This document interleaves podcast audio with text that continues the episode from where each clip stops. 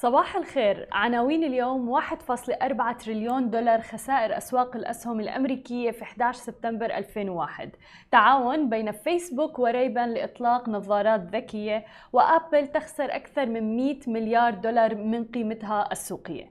يا أهلا وسهلا فيكم ببرنامجكم. صباحكم مع سماشي. معي أنا هلا بسام ومعنا بخلف الكواليس علي. صباح الخير يا جماعة الخير كيف بداية الأسبوع علي؟ آه في طاقة بس أي. لازم كوفي بس لازم آه كوفي أيوه خلونا نبدأ بأخبارنا لليوم. يوم أمس صادف ذكرى 11 سبتمبر. بهذا اليوم عام 2001 شهدنا طائرات ركاب تحلق تجاه برجي التجارة العالمية وكانت في مستوى منخفض للغاية. وعند الساعة الثانية إلى الربع تقريبا بتوقيت غرينتش فوجئ العاملون في البرج الشمالي باصطدامها بعد لحظات قليلة مثل ما شفنا اصطدام طائرة أخرى أيضا بالبرج الجنوبي. عشرات الأشخاص شفناهم عم بيقفزوا من طوابق مرتفعة للنجاة. نحو أكثر من 17400 شخص كانوا في البرجين.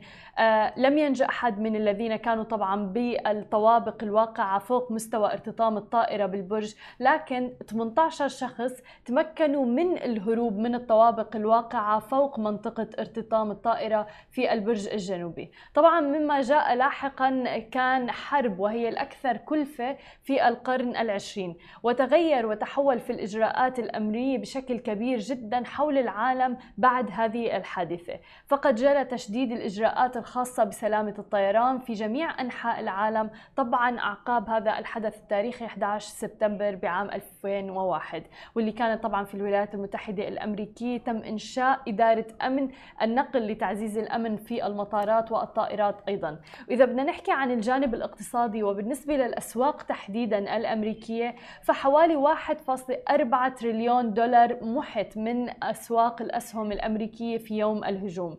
وفي الأسبوع الأول فقد مؤشر S&P نحو 14% من قيمته فيما أيضا قفز الذهب مع ارتفاع الإقبال على الملاذات الآمنة طبعا بسبب هذه الأحداث القلقة.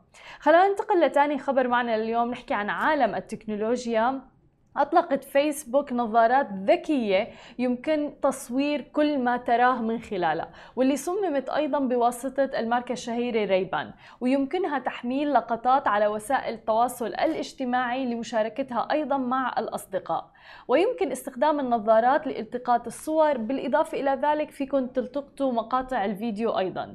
وذلك بفضل الكاميرات المدمجة بدقة 5 ميجا بكسل ورح يكون أيضا هناك ثلاث ميكروفونات بتجعل أيضا من الممكن الرد على المكالمات الهاتفية أيضا ليس فقط إنكم تاخذوا صور وفيديوهات.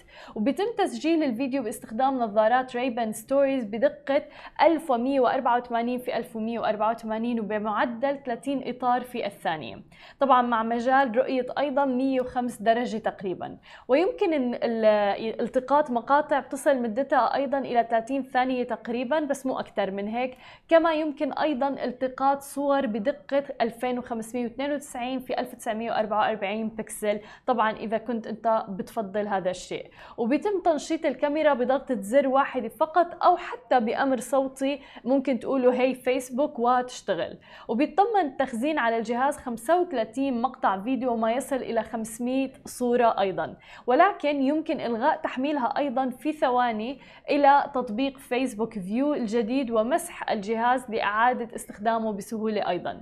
وإذا كنت طبعا خايف بشأن موضوع الخصوصية وغيرها فساعدت شركة فيسبوك في إنشاء مؤشر تحذير ثنائي بيبعث ضوء مثل LED في الكاميرا واللي رح يعطي هيك شوية ومضات إذا آه، من خلاله ممكن كنت عم تسجل فيديو أو عم تلتقط صور فبيكون مثل تنبيه للأشخاص القريبين منك إنك أنت عم تصورهم آه، بتصوير سواء كان صور أو فيديوهات. ولكن للأسف حتى الآن لا توجد طريقة لمنع المستخدمين طبعا من التقاط لقطات خفية في الأماكن العامة. ولكن كل ما هنالك عندنا هي الوامضات بال LED light اللي ممكن انه تعطي تحذير إنه هذا الشخص عم ياخذ لكم فيديو أو صور. علي عم بتشوف معنا الفيديو شو رأيك بالنظارات الجديدة؟ احس أحس نفسي في في في عالم جيمس بوند. مع النظارة. ما أعرف. من ناحية ال style ولا من ناحية أيضا المميزات وال features هو من من من ناحية إن المميزات والفيتشرز يعني مثلا أقدر أصور وأخذ فيديو. إيه. إيه يعني إيه. أنا شفت نشوف هالأشياء في الأفلام. صحيح. عرفتي؟ وتخيل ف- إنه هلأ صار الموضوع كله على أرض الواقع. وما ننسى إنه أيضا Snapchat عملت نظارة سابقا وفعلا كثير في ناس اشتروها ولكن مم. سعرها أغلى من آه، سعر نظارة فيسبوك من ريبان آه بس جميل إنه فيك تنشر أيضا مباشرة الفيديوهات اللي أنت عم تصورها وتنزلها.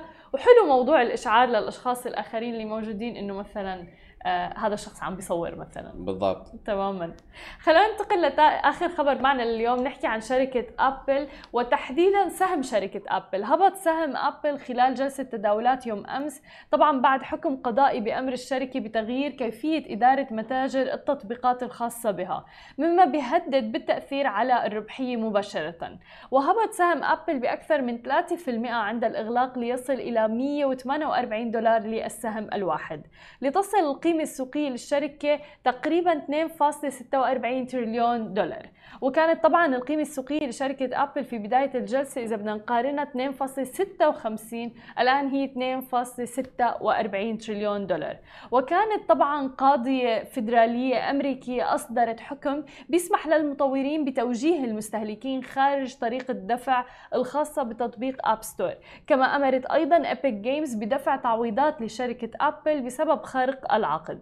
وأوضح الحكم القضائي أنه أبل لا تمتلك الحق في إلزام المطورين بتنفيذ عمليات الشراء داخل التطبيق فحسب مطالبة أيضا الشركة بعدم منع المطورين من توفير أي روابط أو أي وسائل أخرى بتوجه المستخدمين بعيدا عن الشراء داخل تطبيق App Store وكان سهم الشركة المصنعة لهواتف آيفون شركة أبل تراجع خلال الجلسة لمستوى 148 دولار مما أفقد الشركة أكثر من 100 مليار دولار من قيمتها السوقية. ومثل ما شفنا يعني الحرب شنت بشكل كبير جدا بين Epic Games وأبل بالفترة الأخيرة. بسبب أنه آه، الناس كانوا عم بيشتروا بلعبة Fortnite من خلال اللعبة نفسها وليس من خلال ال App Store وبالتالي هذا في خرق لقوانين آه، ال App Store وشركة أبل فكان في نزاع والآن يعني وصلوا لهذا الحل.